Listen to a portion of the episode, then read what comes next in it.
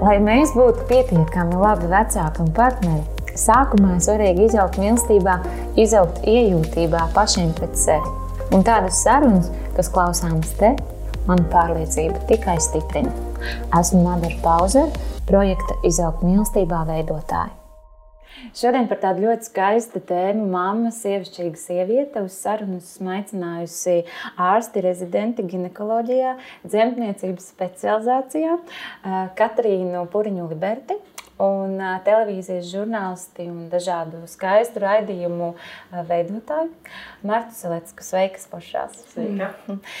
Domājot, jā, vispār kopumā par tēmu sievišķība, man, man gan ilgu laiku prasīja, lai es tā padomātu, kas, ko vispār šis vārds ietver, kas vispār ir sievišķīga sieviete. Un, nu, vispirms man laikam gribās jautāt Katrīnai, pie tevīm nāk ļoti daudz dāmas. Nāk ļoti daudz sievietes ar ļoti dažādiem stāstiem. Un vai tev šobrīd ir tāds savs redzējums par to, kas ir, ja tev jautātu, kas ir sievišķība, ko tu atbildētu? Man liekas, vieglāk būtu atbildēt uz jautājumu, kāda ir Latvijas sieviete. Tad, mm -hmm. Tas man būtu vieglāk, jo man liekas, ka atbildēt uz jautājumu, kas ir sievišķība, ir, tas ir ļoti plaši un filozofiski. Un man šķiet, ka mēs katrs atrodam savu definīciju. Bet, ja es varu pārveidot šo jautājumu un atbildēt par to, kāda ir Latvijas sieviete un kādu uh, redz Latvijas sievietes sievišķību, tad es atbildēšu, ka to redz katra sieviete ļoti dažādu. Bet man šķiet, ka tas ir stāsts par sievieti, kas savā ķermenī, savā personībā jūtās labi. Un patīkami. Un, ja viņi jūtās labi pati ar sevi, ja viņi ir kļuvusi par labāko draugu sev pašai, tad viņa ir atradusi sevī tās notis, uh, kuras viņā rezonē. Un, uh, Viņš šīs notis iepazīst, viņa ar viņām darbojās, un līdz ar to, ja tu esi iepazinusi sevi, uh, Tad tu, es domāju, ka tev ir arī viegli iepazīt lēnāk ar citas sievietes, paspoguļot viņas, saprast, kas ir tava rezonance mm -hmm. un, un dot to tālāk pasaulē. Mm -hmm. Un man šķiet, tas noteikti ir Uh, visa sākums ir tajā, cik ļoti sieviete ir sevi iepazinusi, savu ķermeni, savu būtību, savu raksturu, sevi kā cilvēku, sevi kā būtni šajā pasaulē, atradusi savu vietu un tālāk to dod uh, pasaulē un sev pašai. Mm -hmm. Vai nu tik skaisti?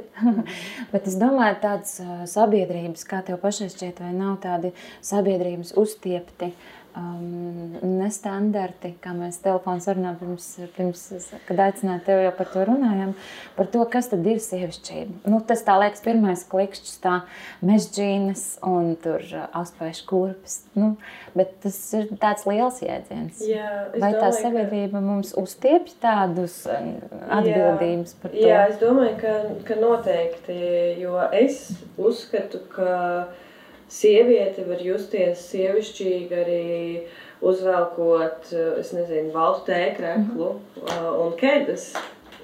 Sieviete var justies sievišķīgi gan ar gariem lokainiem matiem, gan bez matiem. Sieviete var justies sievišķīgi um, ar daudz krellēm un ar nevienu aksesuāru. Es domāju, ka tas, kā jau es teicu, pašā sākumā nav stāsts par to, kas viņai ir uzvilkts mugurā vai kas viņai ir uzkrāsots uz sejas, mm -hmm. bet tas ir stāsts par to, kas notiek viņā iekšienē. Jo, kā mēs zinām, tajā mirklī, kad sieviete ir nelaimīga, uh, bet uh, ja viņa ir sapucējusies, balss kleitā, uh, un sakrāsojusies un salikus lokas, bet ja viņi iekšēji jūtas sagraut un iekšēji jūtas slikti, tās acis nespīdēs un tas smaids būs tāds uh, caur, caur nevaru.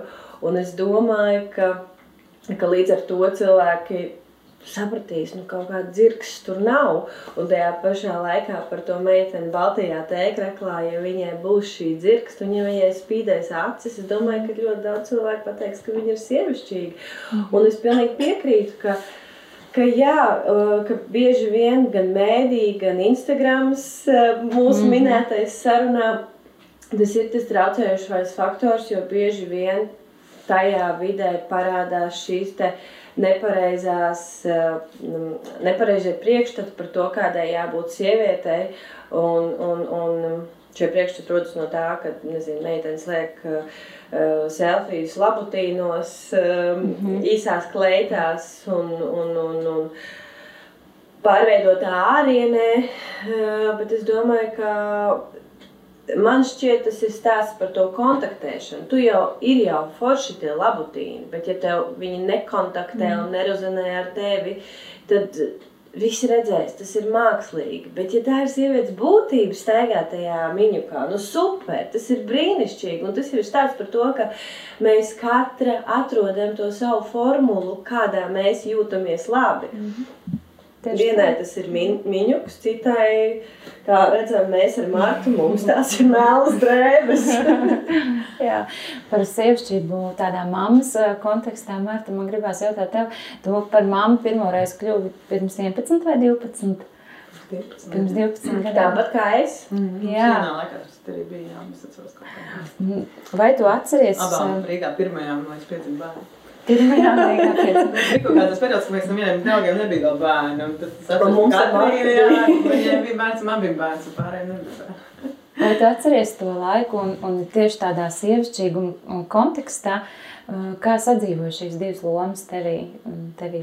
Man liekas, ka to sievišķīgumu es gribētu mazliet iedot tādu citu okay. uh, rakursu. Man liekas, ka tā sievišķība jau nav tikai tie ārēji izskatā, bet man tas, tas ir uh, daudz... Um, arī par to, par to darbību. Piemēram, kas ir vīrišķīgs vīrietis, jau vienmēr viņam jābūt tur kā kolbojam, mēs, tas, tas ir par viņa, par tiem viņa darbiem mēs mhm. runājam, par vīrišķību, manuprāt, es nezinu. Man liekas, arī par sievišķību mēs varam runāt, varbūt tu esi, nu, tur super, nezinu, kā kopt, bet ja tu spļauj uz ielas, varbūt tas nav īsti sievišķīgi. Līdz to es redzu to pilnīgi kā citā, laikam, tajā kontekstā, ka tu caur savu darbību, tu rādi varbūt arī to dzimumu piedarību vai nu, nezinu, izrāda kaut kādu to savu sievišķību vai nesievišķību. Un tad par tām mamām man vispār ir, eh, es vajag, esmu ietekmējusies no dažādām eh, skandināvu tādām teorijām. Īsībā man ļoti patīk tā teorija par tām funkcijām, ka vienkārši mums kā sievietēm tā funkcija ir, ka mēs varam laist pasaulē bērnus un būt mammas. Tā ir mūsu funkcija. Mēs nevaram no tā atteikties. Eh, ne, mēs varam, protams, ne, nebūt mammas, bet principā, nu, vīrietis nevar to funkciju veikt, mēs tikai to varam veikt. Un līdz to man patīk tā pieeja, ka katram cilvēkam ir sava funkcija. Mana funkcija ir būt mammai, un man patīk tā funkcija. Un es neredzu to, ka tas ir kaut kā baigi jāsien kopā ar to sievišķību vai vīrišķību. Mm. Vienkārši -hmm. ar funkciju. tā kaut kā. Mm -hmm. Tu esi arī publiski stāstījusi par to, ka tavs jaunākais dēliņš Gusts ir bijis tāds iedvesmas avots, var teikt tā, ja? gan uh, televīzijas projektam Tutas lietas, mm -hmm. gan, uh, gan, gan raidījumam literatūra. Mm. Es pieļauju, ka tas nozīmē daudz laika pavadīt arī ārpus mājas, lai šos projektus realizētu. Un tad es iedomājos, kā ir tāda jēdziena, kā vainas sajūta tajā brīdī, kad tu kā sieviete tomēr arī zini, ka tu gribi par sevi parūpēties arī profesionāli un gribi realizēt šīs lietas. Un tajā pašā laikā tu zini, ka um, bērnam vajag malti. Vai tomēr es, kā, kā tas sadzīvoja tevī? Uh, nu, kā, man liekas, tādas ambiciozi kaut kādā ziņā. Man liekas, uh, man ļoti palīdzēja tajā brīdī, kad Gus bija galīgi mazs. Un, uh, es domāju, ka man vajag ar vienu braukt braukt uz Ķīnu. Viņam bija tikai seši mēneši. Un, man ļoti palīdzēja mana māsa, kur arī ir ārsts un pediatrs. Pēc tam viņa teica, brauc tagad, nekā tu brauksi vēlāk. Viņam tikai ir tik maz, ka viņš neatcerēsies to periodu, kad tu neesi bijis uz vietas. Un viņu tā kā iedrošināja, ka ja tev jāprasa par braukt. Un īstenībā man liekas, ka tie bērni, viņi tiešām, es nekādā veidā neizjūtu to vainas, ka tas varbūt tas mazāk vai vairāk ar viņiem, jo Man liekas, viņi ir tādi pilnīgi tādi organiski manas dzīves pavadoņi. Mhm. Viņi vienkārši ir, es ar viņiem rēķinos. Un, Es nezinu, nu, kurš tur par ko es varētu būt vēl vainīga. Es nu, vienkārši ir un tā kā ir. Tu, tu, man liekas, tajā pašā sarunā tu biji teikusi arī to, ka viņi vienkārši piedzim šādā ģimenē. Tieši tā, viņi ir tādā ģimenē piedzimuši, viņi aug tādā ģimenē, kādā viņi ir. Es piedzimu savā ģimenē, un es izaugu tādu, kāds esmu. Viņi piedzim manā ģimenē. Mm -hmm. Un tāds ir viņas, viņa, tas, tas dzīves gājums, tas ir viņa dzīves sākums tādā ģimenē. Es domāju, Es taču nevaru organizēt uh, viņu dzīves sākumu kaut kā speciāli, kaut kā ķīmiski. Mm -hmm, tieši tā. Neorganiski, nu, kaut kā lai būtu pat nezinu, kam tas uh, kā pieņemami. Kāds ja nevajag pašai. Mm. tas nav. Līdz to es domāju, ka tas ir jebkura bērna tāds bērnības sastāvdaļa, ka viņi jau piedzimst tajā ģimenē ar kaut kādām konkrētām vērtībām, konkrētiem raksturiem. Mm. Kāpēc, kāpēc es par to vainas sajūtu? Jo man liekas, ka, ka šis jēdziens, cik es esmu runājis ar dažādām mamām un arī materiālus veidojot izaugt mīlestībā platformā, liekas, ka tas tiek izdalīts dzemdī, dzemdību iestādēs kopā ar bērniņu. Tā vainas sajūta, vai, vai tā, nu, ka nebūšu gana laba vai nebūšu gana. Un, un šajā visā ir milzīgs risks un liels izaicinājums. Nu, nepazaudēt tomēr sevi kā sievieti un atcerēties, ka ir kaut kādas savas iekšējās vajadzības. Vienkārši vajadzības, kā tu, Katrīna, kā speciāliste, redzi to laipošanu, starp tādu drošo piesaisti tam mazulītim, kas tomēr nu, ir svarīgi un par ko mēs taču runājam. Un tajā pašā laikā, lai tā mamīte nepamostās tvaika ielā, jo viņa tomēr ir arī realizējusies. Kā tu redzi tās Tev noteikti ir dažādi stāsti uz dīvānu uzklausīt. Te, te, Jā, um, nu es laikam varu atbildēt no divām pusēm uz šo jautājumu. Pirmais ir tas, ka uh, par to vainas sajūtu. Uh, man šķiet, ka šī vainas sajūta visbiežāk rodās no salīdzinājuma salīdzināšanās. Mm -hmm. Un, ja mēs tik ļoti uh, mammas savā starpā nemēģinātu salīdzināt vienu otru, tad šī vainas sajūta noteikti būtu mazāka. Man liekas, ka tas, ka mammas mēģina viena otru salīdzināt tajā, ka teiksim, tu sēdi mājās ar bērnu un ieraugi, ka Marta brauc uz Ķīnu vai Katrīna mācās par ārstu, tad sākās mammai kaut kādas domas par to, ka varbūt viņa pa ilgu sēž ar bērnu mājās un varbūt viņai jārealizē sev. Bet varbūt viņai nemaz to negribās tā dziļi sirdī. Varbūt tiešām tā viņas sūtība ir būt, būt mājās ar mhm. bērnu, kas nav tikai, atcerēsimies, tā ir īstenībā mhm. liela lieta. Sēdēt mājās. Jā, sēdēt mājās mājās ar bērniņu, viņu aprūpēt, un viņu izskolot, un, un, un tā tālāk, un tā joprojām. Bet, ja viņi jūtas šajā lomā komfortabli un forši un piepildīti, tas ir brīnišķīgi. Nu, tāds mums ar Mārtu ir visticamāk cits, jo, jo es līdzīgi kā Mārta, es arī diezgan agri pie otrās meitiņas, jau vēl, kad viņi varoja krūtis iestājas medicīnas fakultātē un sāk studēt par ārstu, kas arī nav tā, ka ļoti, ļoti viegli izdarāms savienojams.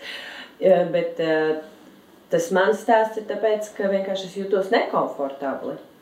Visu laiku esot mājās bērnu, es jūtu, ka man vajag realizēt sevi vēl kādā no lomām. Mm -hmm. bet, bet es domāju, ka arī es un arī varbūt Mārta, varbūt vēl kāds māmas, kas ļoti tur uh, ir tāds ambiciozs un ir bišķiņ darba holiķis. Gan jau, kad arī ir bijusi tā doma, jā, nu re, kur tā mamma tur sēž mājās, tā mamma visu laiku dzemdē bērns, tā mamma tur vīram gatavo ēst no rīta līdz vakaras. Jā, mums teica, aizskatā, ka es daudz gadu negatavoju ēst, jā. Bet, eh, bet mēs katrs atrodam to savu lomu un to savu vietu, kur mēs jūtamies komfortabli, bet neredz iezogās šī doma par to, ka uh, varbūt man tomēr jābūt tajā lomā, ko sabiedrība uzspiež. Ko uzspiež varbūt uh, kaut kāds konkrēts mammu lokus, vai, vai ko uzspiež varbūt ģimene, vai ko uzspiež varbūt kādi draugi. Nu, tā sabiedrība, kur tu varbūt apgrozies, vai ko tu redzi, kas ir sociālo tīklu vidē, un tu, tu tā kā sāc salīdzināt un sāc domāt, vai tas ir ok, kad es esmu šajā savā lomā, varbūt man jābūt un jāmēģina kaut kas cits, vai, vai, vai varbūt man jābūt tādai, varbūt tā ir tā īstā mamma, un varbūt tā ir mm. tā tas, tas, tas ideāls, kādai ir jābūt. Un, bet jāsaprot jau, ka tieši tā kā Mārta teica, un es to arī saviem bērniem saku, nu, ka jūs izvēlējāties šo ģimeni, kurā piedzimt un visticamāk, nu, mhm. ka, ka tas arī baigs arī, ka tas, ka, ka bērni redz, ka māma ir laimīga, mhm. un Jā. tas ir baigs arī, ka viņi redz, ka dzīvojot dzīvi tā, kā tu gribi, tu esi laimīgs. Un tu jau rādi viņam arī to piemēru. Kad es dzīvoju tā, kā es gribu, un mēs visi, mums ir viss labi un forši. Un man arī vajag likt manas mammas, piemēram, mēs esam pieci bērni ģimenē. Un, un viņi saka, es esmu vispār neuzzināju, jūs paši izaugāt. man liekas, tiešām es neatceros tādu pāraprūpi, kas tagad notiek, man liekas, vecāki pāraprūpē savus bērnus. Viņi vienkārši tur kā saka, mammas droni, mammas helikopteri visu laiku dronē, kad tev kaut kas nav nokritis vai noslaucīts vai kaut kas. nu, vienkārši, nu, kad viņas tā pāraprūp, tas ir īstenībā arī ļoti bīstam. Tas nav, uh, tas nav īstenībā tik forši, kad ir, nu, tas, uh, tādā pārākajā pakāpē bērns tiek aprūpēts. Mm -hmm. nu, man, liekas, arī, man liekas, tā visa pie Montessori pedagoģija, ko māca, ka bērnam pašam, pašam, pašam, mm -hmm. pašam. Tu ļoti skaisti. Tu gribēji papildināt? Jā, es gribēju noteikti papildināt par to, ko mēs arī telefonu sarunā runājām. Man šķiet, ka par to perfekto un pietiekami labo māmu, mm -hmm. ko man šķiet būtu svētīgi šajā podkāstā pastāstīt un vēl vienreiz atgādināt, ka ļoti daudzām māmām ir jāatcerās, un es to arī saku savos kursos vecākiem, kas par vecākiem kļūst pirmo reizi jo viņiem ir bieži vēl, vēlme kļūt par perfektajiem vecākiem. Uh, bet mums ir jāsaprot, ka gan no psiholoģiskā, gan no emocionālā, gan no fiziskā aspekta, lai mēs nepārdegtu, uh, uh, savā vecāku lomā mums ir jāsaprot, ka mums ir jābūt pietiekami labiem vecākiem, nevis perfektiem. Jo šī perfektā tiekšanās uz perfekcionismu var novest pie tā, ka mēs visu laiku, katru dienu uh, saskaramies ar uh, vilšanos un ar vainas sajūtu, mm -hmm. par kuru mēs tikko runājām. Un, Un līdz ar to, ja tu visu laiku gribi būt perfekts un Neviens jau nezina, kas tie par perfektiem standartiem. Jā, Mēs viņus kaut kā tā. izdomājam un visu laiku tiecies uz nerealizējumiem, perfektiem standartiem. Tad tu visu laiku nonāc tādā aplī, ka tu tiecies, bet tu piedzīvo vilšanos. Mm. Tad tu piedzīvo to, ka tu jūties vainīgs par to, ka tu nevari būt perfekts. Un tā tu mm. dzīvo visu laiku tādā lūpā, mm. ja tā var teikt, tādā aplī. Un, un, un esi neapmierināts ar sevi un gala beigās esi nelaimīgs pats ar sevi un nelaimīgs kā vecāks. Un tāpēc es domāju, ka ir ārkārtīgi svarīgi saprast, ka mums nav jābūt perfektiem vecākiem, mums ir jābūt pietiekami labiem vecākiem, kas aprūpē un rūpējas par mhm. savu, saviem bērniem. Un tas ir pilnīgi ok, ja tu dažreiz kļūdies, mm -hmm. un tas ir pilnīgi ok, ja tu dažreiz nezinu, kā šajā situācijā rīkoties. Un tad, kad es arī savos kursos saku, tad jums ir jāmeklē atbalsta komanda, mm kas ir vai nu ģimene, vai nu draugi, vai nu speciālisti, dūlas, pepmammas, psihologi, ārsti, kuri tad ir tā tava atbalsta komanda, un kas mhm. tevi studē un, un, un iesaka. Un, Un no visām pusēm tevi arī uh, uzmundrina, lai tu mhm. tajā savā lomā jūties pietiekami labi un kvalitatīvi. Un, un es domāju, ka šo piemēru mēs varam izmantot ļoti daudzās citās lomās. Gan par sievām, gan par uh, kolēģiem, kolēģiem darbiniecēm, kad ir skaisti tiekties, protams, uz ļoti labu rezultātu. Bet man šķiet, ka vienmēr mēs pazudam tajā, ka mēs uzliekam ļoti nereāls gaidas un vēlmes par to, kādiem vecākiem mums būtu būt, būt, būt. Mhm. Un, un tad mēs pie, visu laiku esam šajā, šajā vilšanās momentā, un, un tur, tur arī rodas šī vainas sajūta. Mm -hmm. Marta ļoti skaisti ieskicēja to, to, to nākamo topiku, pie, pie kā es gribu pieskarties par to paraugu, par to, ko tu arī nu pat teici, par to, ka tev, tavs uzdevums ir vienkārši būt laimīgam. Un, ja tu dari, un kā sieviete, ja tu realizēsi, un ja tu sajūti sevi, kas ir tās manas uh, lietas, ko es vēlos darīt, kur manas acis smirdz, ja, Katrīna, kā teica, tad, uh, tad es esmu arī saviem bērniem. Nu, man liekas, ka tas ir ļoti labs motivators. Vīram arī. Nu, arī vīram, jā, bet nu, vīram jau ir kaut kāds priekšstats par sievieti, tomēr, nu, pa lielam varbūt iespējams no savas mammas iespējams.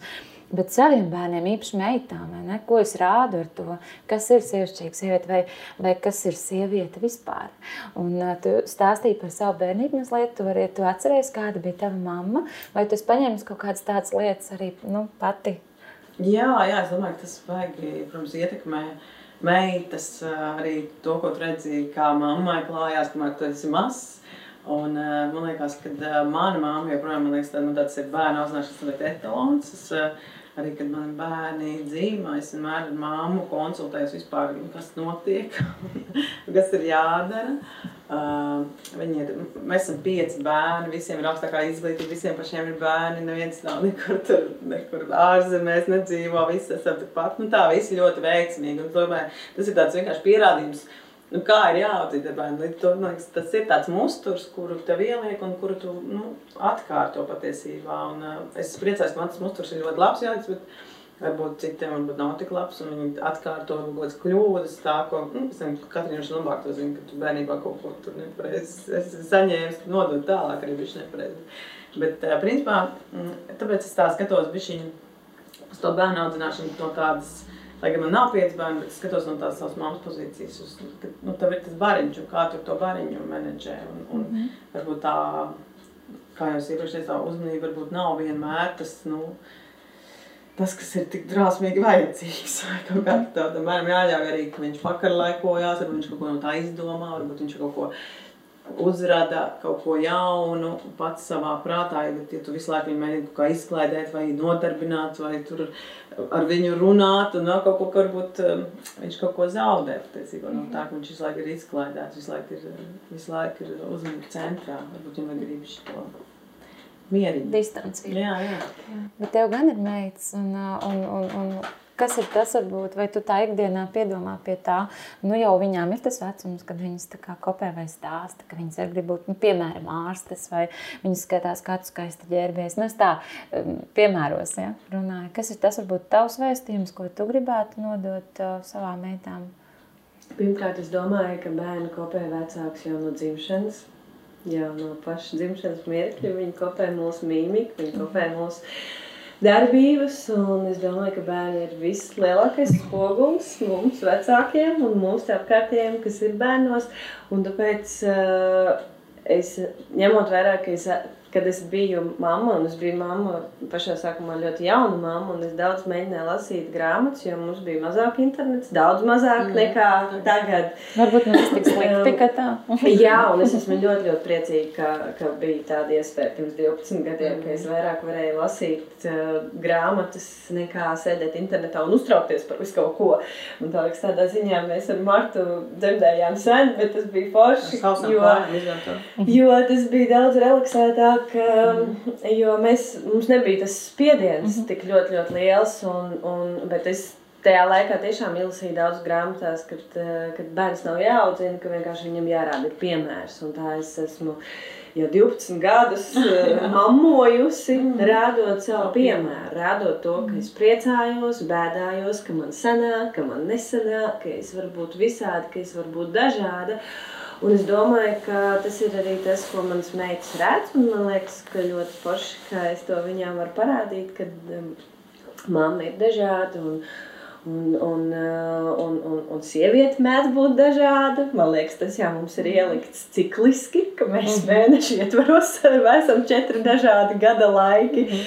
Un, uh, un, un, jā, un atbildot savu jautājumu, man šķiet, ka meitas es audzinu caur, caur to savu piemēru. Uh, Un, un gan tajā savā darbības laukā, kurš man ir ļoti sievišķīgs, jo es, man, es strādāju ar sievietēm. Un, Un mēs esam runājuši par to, kāpēc man patīk tas mans darbs, kas man patīk, un, un kāpēc es peldos tajā, tajā sieviešu padarīšanā tik ļoti.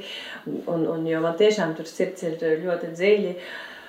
Un, un beidzot ar to, ka, ka, protams, ka viņas redz, ka mammai patīk ielkot matus, ka mamma domā par to, kā, ko mhm. vilkt mugurā, un, un arī ar tādiem sievišķīgiem sīkumiem, ka mammai mhm. patīk aiziet pie kosmetologa un uzkrāsot dažreiz sarkanas lūpas. Nu, Un, un, un tad viņas tagad, protams, viņām tagad ir tas vecums, ka viņas stāv pie spoguļa ilgāk nekā es un, un, un pārģērbjās trīs reizes dienā. Um, un, un, un viņa, viņa, viņa sāk iepazīt šo tādu ķermenisko sievišķību, jo, jo viena jau ir pusaudze, otra drīz mhm. būs, un, un viņām šīs lietas interesē. Un, un es esmu par to, ka tu tajā esi un iznirsti un piedzīvo to. Un, un, un, un sakrāsojies, un sataisies un ielako tos matus, lai, lai, lai nekādā veidā viņām neuzspiest par to, kādām viņām tagad ir jābūt vai kā viņām jāģērbjas. Mm -hmm. Bet ļaut to piedzīvot. Mhm. Protams, es arī piekrītu Mar Martai, ka tas ir noteikti stāsts par manierēm, bet tas ir stāsts par tādām manierēm, ko tu parādi. Ja jā, tu ēdīsi jā. ar dakšiņu un bez nazīšu, tad visi ēdīs tikai ar vienu, nu, tikai ar dakšiņu. Ja da, kaut vai ir sīk, kaut vai ja visi redzēs, ka tu nemazgā zobus, mm. tad arī bērni nesapratīs, kāpēc ir jāmazgā zobus. Mm. Ja, nu, un, un es domāju, ka Kaut, kaut kā, ja es esmu arī rādījusi, nu, tur es, man patīk auskariņus mainīt vai, vai rokas sprādzīt uzlikt, un tad meitenes arī, jā, ka viņām arī gribās auskariņus, rokas sprādzīt, nu, ka viņas, ka viņas paņem šitos sīkumiņus, ierauga šīs detaļas, un, un, un tā viņām, tas, tas viņām nāk pilnīgi naturāli un pilnīgi dabiski, nevis es tagad teikšu, zini, tu esi sieviete, un tev tagad, tev tagad ir kaut kā jā. Tas, tas viss nāk caur piemēru. Un mm. Es savukārt arī nāku no lielas ģimenes. Uh, kur ir ļoti daudz sieviešu. Mamma, mana oma, un, un es esmu ļoti daudz sieviešu vairākās paudzēs, un ļoti, ļoti tuvu viena otrai. Un, Un es domāju, ka manas meitas arī redz manu mammu, manu vecmāmiņu un manas draudzenes. Un, un, un, un viņām arī ir dažas manas mīļākās draudzenes, kuras tur skatās, kas tur mukurā un kas tur ir un, kas, un tā. Un, Un viņas to piefiksē, un viņām kaut kas iepatīkās, un viņām, veido, viņām veidojās šī sava gaume. Es domāju, ka tas noteikti nāk caur piemēru, mm -hmm. un mhm. nevis caur vārdiem, bet caur darbiem un mm -hmm. tās manieras, visi žesti. Uh, Un es dažreiz skatos savu vecāko meitu, man liekas, ārprāts, viņa ir pilnīgi kopija man. Mm -hmm. Viņa, kā var sejas mhm. izteiksmes, kā var, kā var žestikulāciju tā mm -hmm. kopēt. Nu, noteikti tie nav tikai gēni, bet tas ir vienkārši tā spoguļošana, mm -hmm. ko viņi redz. Mm -hmm. Tā ir tā mazā pasaule, kurā viņi, kurā viņi piedzimst. Es savukārt iedomājos par to, ja jūs bijat pieci bērni, ja, vai tu atceries uh, kā jūs, kā, kā jūs mamma, uh, izpauda to sievišķību? Mm -hmm. Māma ir māksliniece, un to liekas, viņai, viņai bija tas, uh, viņai patika krāsoties, atceros, mēs mācījāmies vienmēr uz to krāsošanos ļoti skatījāmies, jo viņa, man liekas, nu, kā, ja tas mākslinieks to kā, saglaz no sevi tā, nu, ļoti skaisti, to prata, un arī, protams, prot darīt. Kā tas, man liekas, ir viens, protams, bija savādāk laiki, bet, nu, arī tas, kā viņa ģērbās, un cik tas bija viss ļoti gaumīgi. Un, un tas ietekmē arī. Lai gan es klausos, tad man bija skauž par to Katrīnas stāstā metālu, man ir divi puikas mājās. Jā, bet nekas puikas izvēlēsies kādreiz, tu esi domājis par to, ka viņi izvēlēsies sievieti, kas būs kaut kādā ziņā lielāka, kas būs līdzīga. Nu, nezinu, nezinu, to jau. Nevar, nevar zināt iepriekš, bet, nu, bet es vienkārši domāju par to, ka teica, ka viņas tur ģērbās un ņemās, un tad es domāju, man ir tieši pretēji, ka domāju, domāju, tā būs tad Ziemassvētku kaut ko vajag mājās tur izpresnot vai kaut ko. Tad es varu iedomāties. Tas ir viens tā kā vienkārši futbolkumu. Jā. Jā. Jā. Tā kā viens sajūties, ir tāds grāzīgi maz tās iekšķās enerģijas. Mm. Man liekas, tas arī varbūt šito Arnots Košana uzlūk, kas tiešām tā kā tāds čāls satnāk, kas vispār neizdomā pēt. Bet es arī kā čāls. Nē, es vienkārši tajā dzīvojot tajā futbola komandā, tu pilnīgi esi citā īstenībā. Viens otrs spoguļo. Nu, tā ir. Mm.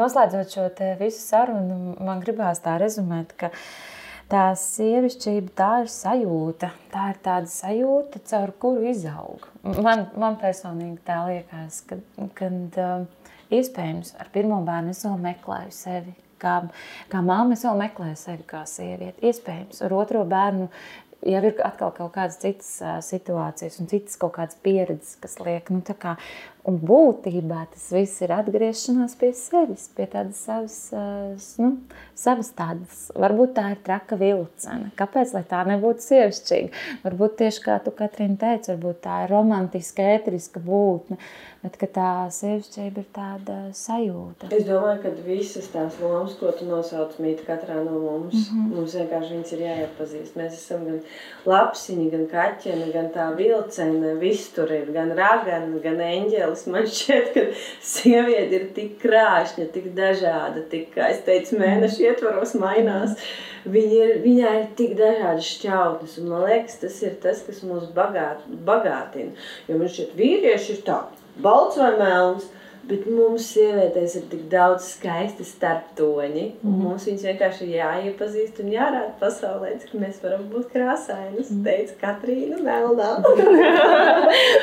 un iespējams, ka tieši tā māmas loma atver vēl kaut kādas krāsas. Jaunas, es domāju, ka visas lomas, mammas, sievas, vecmāmiņas, mm -hmm. visas šīs lomas man tā liekas atver. Jauki papļāpājām. Paldies jums, dāmas. Man ir jums dāvans. Dāvans no mūsu pantera. Nē, ne gluži dāvans no mūsu happy draugiem par to, ka jūs atradāt laiku. Tas būs, tās būs dāvans jums un paldies jums. Paldies, paldies, paldies. Paldies. paldies.